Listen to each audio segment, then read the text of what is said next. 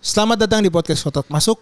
Kita sudah bekerja sama dengan Roof dan RCTI Plus. Dan kita juga bisa didengarkan di Spotify dan Apple Podcast. Kembangkan wawasan dengan canda.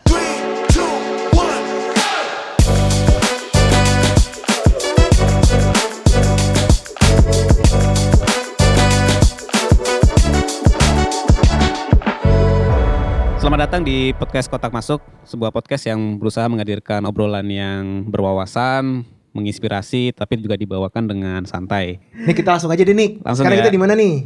Kita Markas di Komika. Markas Komika Dengan audio? dari Soundlit. Idi, biar beda. Oke. Gimana Nick? Sehat-sehat. Sehat Jadi ini kan kita udah mau beres ya, insya Allah ya, Bang Moses Yes, dari yes. pandemi COVID-19. Tapi kayaknya kita juga perlu antisipasi nih Bang, Oh, dengan iya. krisis yang terjadi setelah ini. Karena gitu. banyak penyebab-penyebab yang menurut gua climate change-nya kembali jelek. Dulu pas pandemi kan Jakarta adem. Iya. mobil sedikit mobilisasi Betul. walaupun banyak yang sakit ya. Sekarang kembali lagi macet, panas. Polusi udara juga polusi mulai udara meningkat. naik ya kan. Itu sih menurut gua nih. Jadi kita harus diskusi nih, lebih panas di sini nih. Nah ini kebetulan Bang, jadi gua pas banget kemarin tuh baca sebuah artikel dari Bank Indonesia. Jadi rencananya nanti di presidensi G20 Yep. yang di eh, tuan rumahnya adalah Indonesia itu ada Ya. satu topik yang cukup serius mengenai lingkungan. Hmm. Karena ini awal mulai dari Paris Agreement tahun 2015. Di forum itu ada 195 negara yang tanda tangan Mhm. bahwa mereka akan komit untuk menjaga kenaikan suhu dari eh, dunia. Serius loh. Iya, maksimal 2 derajat Celcius dari pada saat suhu bumi sebelum masa in- eh, revolusi industri. Wih keren. Bayangin aja kalau kita sekarang AC aja dari 24 derajat ke 26 derajat, itu udah mengap kan? Iya iya iya iya iya. iya. Jadi itu harus dibatasin generasi selanjutnya ya untuk anak cucu kita tuh di bawah 2, derajat Celcius. Kalau bisa Hmm. satu setengah derajat. Oke, jadi semoga film-film kiamat itu tidak terjadi. Betul. Ya, karena sudah mulai banyak nih film-film kiamat ya kan? Ya. Oke, oke, Dan oke. ini Bank Indonesia juga turut berkontribusi ya Ah. untuk mendukung usaha ini dengan mengeluarkan kebijakan makroprudensial gitu Oh, kan. iya. Nah, kita kayaknya perlu ngundang orang nih Bang yang bisa membantu kita Iya. untuk menjelaskan gitu Karena kan. kalau gua sama lo doang akhirnya jadi cuman bacot. Harus bawa teman kalau yang sekarang ini. ya, jadi eh gua mengundang Denny Irawan, Hmm. PhD. Selamat datang Denny. Halo, halo, selamat datang. Wih, Niko. what's up, what's up, Bang Denny? Yoi, yoi, yoi. Eh, Biasa, baru pulang mudik masih agak-agak berasa. Wih, lama juga ya.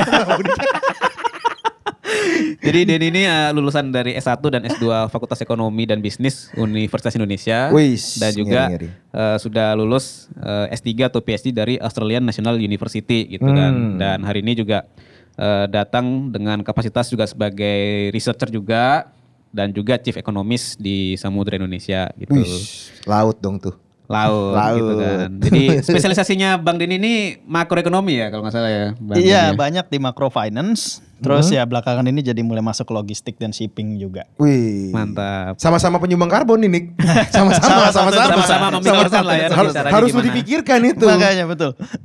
Nah, jadi Bang Nini, sebelum kita bahas tentang ini ya eh, terkait dengan makro prudensial dari Bank Indonesia, Mhm. boleh di-share dikit nggak sih sebenarnya apa sih dampak terjadi antara eh, lingkungan yang semakin panas ini ya, suhu yang semakin panas ini dengan perekonomian? Ada sambungannya nggak sih sebenarnya? Nah, ya, thank you, thank you Niko untuk ininya nih diskusinya.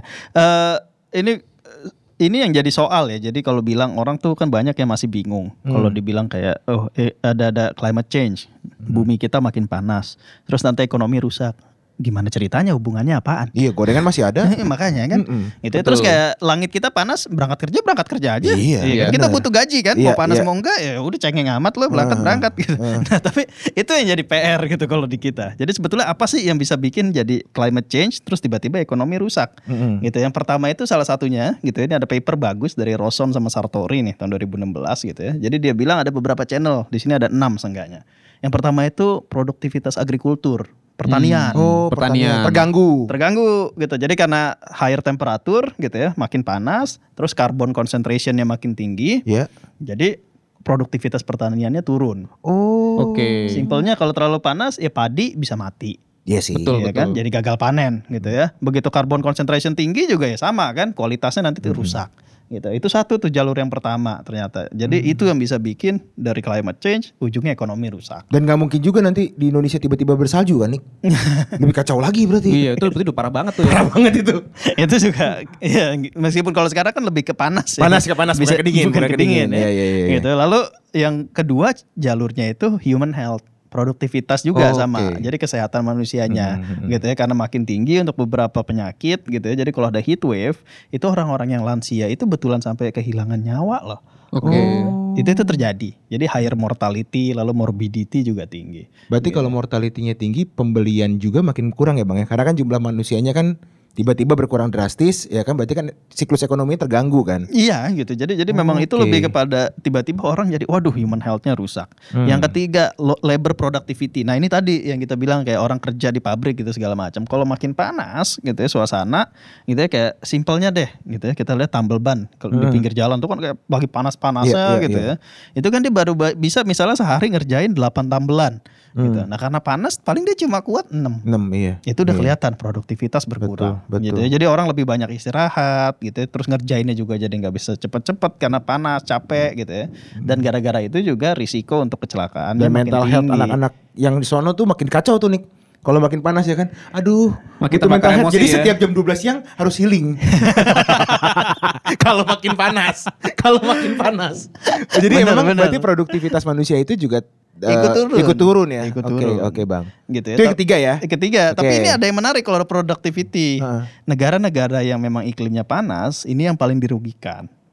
Gitu Contohnya? ya. Jadi seperti yang di Katulistiwa kayak Hah? Indonesia, Indonesia. ini termasuk yang kasihan. Jadi kalau makin panas buminya, Indonesia ini bakalan makin panas juga suhu udaranya Oke. kan. Sedangkan di negara-negara dingin, ya kayak Belanda gitu Hmm. misalnya, yang yang biasanya di sana tuh kayak lagi summernya aja 18 derajat misalnya gitu. Oke. Kan dingin ya. Iya, iya, Begitu iya, iya. dinaikin 20 per, 2% jadi 20 derajat malah jadi kondusif. Oh, Gitu. Jadi jadi, kalau di- hangat, jadi hangat. Jadi tuh malah mereka. hangat kan, malah lebih enak kalau di Iya, sana. Nah, yang di iya. negara-negara yang biasa panas ya kayak Mesir yang begitu. Yang khatulistiwa terutama ya. Khatulistiwa, Hmm. lalu yang di Brazil, Mi- Middle Afrika. East gitu ya. Hmm. Ini yang memang jadi korban gitu. Oh. Jadi karena memang udah biasa panas ditambah lagi ya produktivitasnya rusak. Tapi di negara-negara lain yang cukup dingin malah jadi makin hangat. Hangat. Itu Oke. makin kondusif buat kerja. Oke, oke. Jam kerjanya dalam setahun tuh waktu kerjanya makin panjang. Oke, oke. Nah, terus ada tiga channel lain lagi yang kaitannya lebih kepada yang pertama naiknya eh, tingkat laut ya gitu. Jadi oh iya, oke. jadi gitu sea, sea level rise. Nah, ini ini bikin ya kita tahu ada erosion, ada inundation gitu, ada Mhm. banjir gitu, lalu salt intrusion sampai glasier juga panas.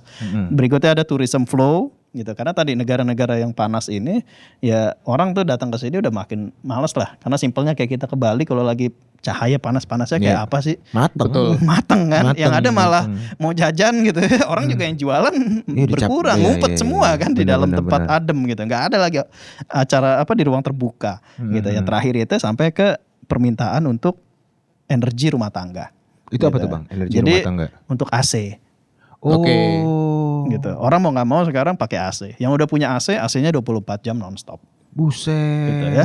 Nanti kalau tadinya kan biasanya masih bisa kayak ya udah pas siang aja jam 12 lagi panas-panasnya sampai jam 3 sore lah. Iya, gitu. iya, Habis itu ya pa- hemat dikit pakai kipas, ma- angin. malamnya dimatiin malah kan agak Iya. sejuk. Hmm. Kalau sekarang enggak, 24 jam. Malam pun ngap juga ya. Panas. Iya. Pasti lah. Ya dulu bayangin makin banyak AC sebenarnya makin panas loh di luar Hmm, dunianya. Di luar Iya, iya, makin Cuman panas. di dalam ruangannya jadi makin adem gitu kan. Memang egois manusia-manusia ini. Dan karena manusianya ngumpet ya mau nggak mau. Oh itu berarti dampak dampaknya ke ekonomi aja sebenarnya udah bisa kebayang ya. Benar. Nah, buat negara-negara yang biasa dingin gitu ya, itu malah kebalikan. Biasanya Hmm. mereka keluar uang banyak buat kalau lagi winter kan buat penghangat Iya, ruangan. oke. Nah, karena sekarang winternya lebih hangat, jadi mereka malah lebih hemat. Tapi tadi ada efek banjirnya nih. Itu kan banyak juga Itu yang negara-negara terjadi. Iya, yang betul, dingin. Benar. Banjirnya itu kan juga Kena. ngeri banget kan. Hmm. Di Eropa juga sempat kan kemarin ada berita ada satu negara yang menurut kita negara maju ya, malah banjir. Iya, Iya. iya. Jadi memang sebenarnya semuanya kena impact tapi nggak semuanya langsung panas semua. Tadi kan ada enam Bentuknya beda-beda. Bentuknya beda-beda. Gitu. Oke, Den. Nah, sekarang eh, dari pemahaman lo, kira-kira apa sih yang akan dilakukan oleh negara-negara atau mungkin sudah dilakukan oleh negara-negara untuk bisa mencegah gitu ya me- ekonomi rusak karena iklim global yang meningkat. Hmm, ya, jadi kalau dari sisi ininya kebijakan, ini pemerintah kita lihat dulu dari aspek yang mana. Kan Oke. kalau di makro, gitu makroekonomi konsepnya selalu pemerintah itu otoritas moneter, otoritas fiskal. Ya. Gitu ya. Jadi mau di sisi mana nih? Siapa berbuat apa? Hmm. Gitu ya. Kalau dari sisi fiskalnya gimana?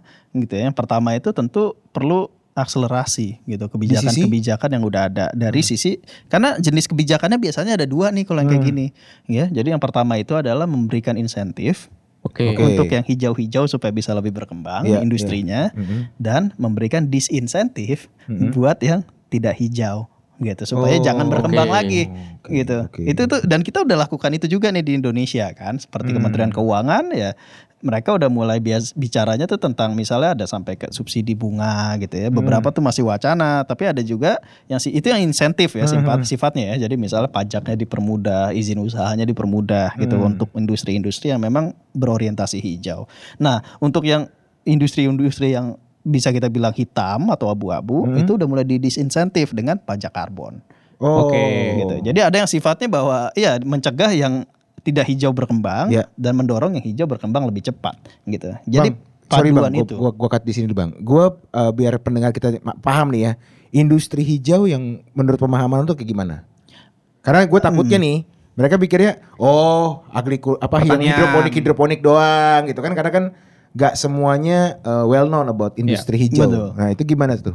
Nah, ini seru deh karena kebetulan lu apa kita kita ini orang logistik juga ya Ah. usaha negeri ya. Jadi kalau kita lihat logika produksi sebuah pabrik lah misalnya, gitu. Jadi salah satu prinsip dari industri hijau itu yang salah satu aspek paling pentingnya do no harm, Do no harm, harm, tidak menyakiti. tidak menyakiti lingkungan dalam Oh. setiap proses produksinya. Setiap proses ya. proses. Jadi Oh, sebisa oke. mungkin jangan melakukan itu. Jadi industri apa pun bisa hijau. Sebenarnya. Sebenarnya gitu konsepnya. Karena yang penting enggak. Jadi keti- ketika kita bicara tentang padi Mm-mm. gitu ya. Kalau kita lihat nih di Indonesia banyak yang kalau habis panen terus sisa rumput keringnya dibakar. Oh iya, Oke. itu itu, Itu sebenarnya clear. ah, iya. Betul, itu clear kan? Padahal Iya, itu iya, simpel tuh. Produksinya simpel kan? Ditanam, Iya. habis itu tumbuh, dipanen. Betul. Tapi ternyata begitu pas pembersihan hasil sisa panennya dibakar. itu Iya ngerusak. Itu Iya, iya. ya, itu do harm. Iya iya iya. Gitu. Jadi- Harusnya diolah lagi jadi pupuk di recycle Padahal lagi kan ya. ya itu hijau ya. Betul, itu betul. Itu industri hijau. Itu bener hijau sih. Iya, Nanem loh. Iya, Tapi iya, ternyata iya, gara-gara dibakar nggak jadi hijau. Oke, itu industri yang oke, ngasilin oke. karbon gitu loh. Padahal sebenarnya itu tuh yang simpelnya dari situ. Apalagi kalau kita bicara kayak pabrik mobil yang besar. Iya. Catnya dibuat dari cat yang ramah lingkungan nggak? Gitu ya. Oh, sampai ke sana ya? Semuanya setiap aspek. Begitu pas dia ngirim bahan-bahannya gitu ya, supply chain dia pakai kapal yang standarnya udah euro berapa. Oh iya, itu sekarang Betul. udah banyak tuh. Begitu kan? Udah banyak, Begitu udah pas banyak. dikirim lagi spare partnya misalnya bannya dikirimnya pakai truk yang udah euro berapa. Hmm. Gitu. Jadi setiap aspek itu yang sebenarnya bikin industri itu seberapa hijau dinilainya. Jadi semua bisa hijau kalau memang setiap proses produksinya diupayakan jadi hijau. Hmm. Oke. Nah, Ngerti itu. tuh ya, Keh? Gampang ya jadinya. Jadi enggak enggak, Gak enggak- semuanya yang hijau itu benar-benar hijau sebenarnya. Harus dievaluasi lagi, Bang. Iya, tidak Betul. menyakiti di setiap proses produksinya. Iya, itu paling penting no ya. harm to environment gitu. Ah, itu gampang tuh. itu aspeknya itu. Jadi kalau bilang sampai kayak bahkan industri batu bara pun, Mhm. ya itu yang salah satu yang dituduh paling hitam karena dari setiap KWH lah ya, kalau dia pembangkitan listrik berapa banyak karbonnya, nah batu bara nih paling tinggi nih. Iya, iya. Gitu. Tapi sebenarnya dengan teknologinya diperbaiki, batu bara pun bisa sedikit lebih hijau. Oh. Jadi filternya misalnya Iya, iya, gitu. iya. Dia lebih baik lah, nggak hitam Ah, ah. gelap, ya jadi hitam, hitam hitam muda gitu hitamnya ya. agak-agak luntur dikit, Luntur dikit, gitu. ya. Tapi Itu udah cukup bisa. ngebantu ya, karena Itu dia paling besar membantu. kan. Betul. Oke, Dan dia oke. salah satu yang paling murah untuk menghasilkan listrik gitu. Betul, betul. itu tuh aspek-aspek yang ini. Jadi banyak gitu ya dan dan melihatnya dari sisi emission, ada waste, sampah gitu ya. Lalu ada biodiversity dari mulai penanganannya dan itu mendukung apa perlu didukung dengan inovasi. Oh, gitu. itu. Betul. Ini yang penting. Jadi aspeknya apa produk innovation, lalu seberapa banyak. Jadi kalau perusahaan gitu ya, kita sering dengar nih kalau di global ada istilah ESG kan, environmental, social, governance. Government, iya, iya. Ya, jadi perusahaan tuh mulai dinilai pakai aspek itu. Ya, jadi kalau pakai aspek inovasinya itu salah satunya green revenue. Eh, itu Gitu. apa lagi tuh? itu Misalnya green revenue gitu ya. apa lagi tuh? Jadi misalnya perusahaan 100% nih ya gitu Ah. ya 10 triliun gitu ya Ah. revenue-nya setahun Ah, ah. gitu. Nah, kayak bank lah, bank berapa banyak minjemin ke industri yang hijau, berapa Eh, iya, banyak ke betul. industri yang tidak Hijau, hijau, gitu, iya, yang iya. hitam gitu ya. Ah. Misalnya simpelnya bank oh ngasih pembiayaan untuk batu bara Iya. gitu. Oh itu nggak bisa, itu nggak hijau gitu Iya. misalnya. Nah, jadi yang hijaunya makin banyak atau makin sedikit dari Hmm. total 100% dana yang disalurin dalam setahun. Oh. Itu Oke. green revenue kayak gitu. Jadi semuanya dibuat dari bawah konsepnya bahwa oh ya udah kalau kalau gitu ada bank gitu ya bank-bank yang besar nih punya pemerintah nih misalnya mau komitmen dengan industri hijau ya buktikan dalam setahun gitu ya tahun ini berapa persen yang lari ke industri hijau pembiayaannya Itu make sense. Itu make sense Betul, tahun depan naik 10% gitu dari 40% ke 50% oh ya udah berarti komitmennya dibuktikan Oke. sama si bank dia membiayai industri hijau lebih banyak gitu. Got it. Nah, bicara inovasi nih, Bang. Jadi, Bank Indonesia sebagai otoritas yang menguasai kebijakan moneter, Iya. ini juga sekarang lagi fokus untuk membuat inovasi dalam bentuk em, green and sustainable money market instrument. Nah, Nick bahasa Indonesia dulu Nick. bahasa Indonesianya adalah ya instrumen kebijakan yang mendukung tadi tuh eh, industri-industri Oh, yang, yang hijau, ya, yang betul. hijau ya, gitu. oke. Jadi ha- contohnya nih di tahun 2019 itu Bank Indonesia melalui kebijakan makroprudensial itu sudah mengeluarkan kebijakan yang tertuang di eh, PBI nomor 21 garis miring 13 garis miring PBI garis miring 2019 mengenai keringanan rasio LTV loan to value atau LSDP Heeh. Untuk kredit properti dan juga kendaraan bermotor yang berorientasi kepada ramah lingkungan. Itu 5% lebih ringan. Jadi Lebih kalau ringan bunganya? Lebih ringan eh, DP-nya. DP-nya. DP-nya lebih ringan 5% Oh. gitu. Dan Menarik itu ya. baru satu case. Nah, ini mereka lagi ngegodok juga untuk mengeluarkan lebih banyak lagi mungkin instrumen-instrumen yang mendukung industri ini berkembang gitu. Nah, Bang, kalau di luar kayak gimana, Bang? Ini kan yang di Indonesia nih, ya Iya. kan? Kalau di luar yang se- sepengetahuan Abang kayak gimana sih kebijakan-kebijakannya? Ya, jadi ini mirip seperti yang tadi fiskal ya. Jadi istilahnya ada yang insentif, ada yang disinsentif gitu kan. Tapi secara umum intinya adalah bahwa pembiayaannya lebih mudah. Makanya itu perlu diapresiasi tuh Bank Indonesia udah sampai ke sana. Meskipun itu masih belum cukup kalau dibandingin dengan negara-negara tetangga Oke, misalnya. kayak, gimana, Bang? Ya, tetangga, kayak, Bang? kayak, kayak di Australia itu bahkan sampai ada yang subsidi langsung sifatnya. Jadi setiap beli Heeh. Misalnya solar panel ya buat Ya, di rumah-rumah rumah, ah. gitu ya. Misalnya buat investasinya butuh berapa? 100 juta gitu bikin solar panel itu kayak bisa dipotong langsung 15 juta.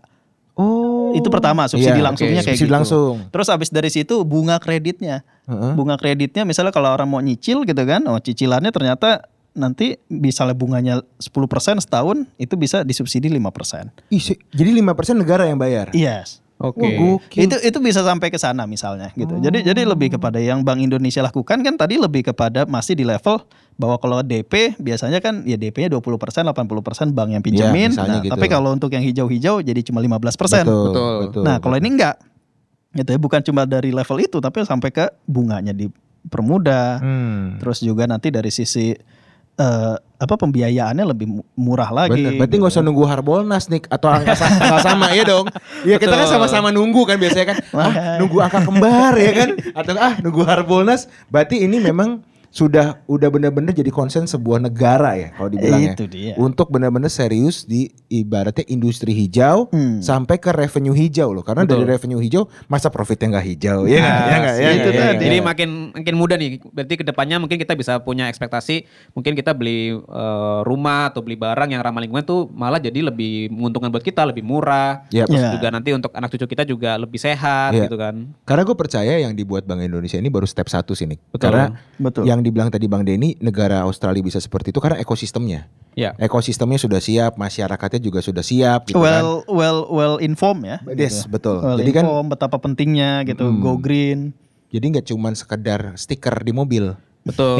Tidak semua stiker. Dan gue nyimpulin satu tadi untuk semua pendengar podcast Otak Masuk, industri hijau ataupun revenue hijau sampai profit hijau lo tidak menyebabkan kerusakan lingkungan di setiap prosesnya. Betul. Itu itu paling penting. Itu sebenarnya definisi simple gitu ya. Jadi Simpelnya dari dia. dari 100% proses produksi sampai jadi output Mm-mm.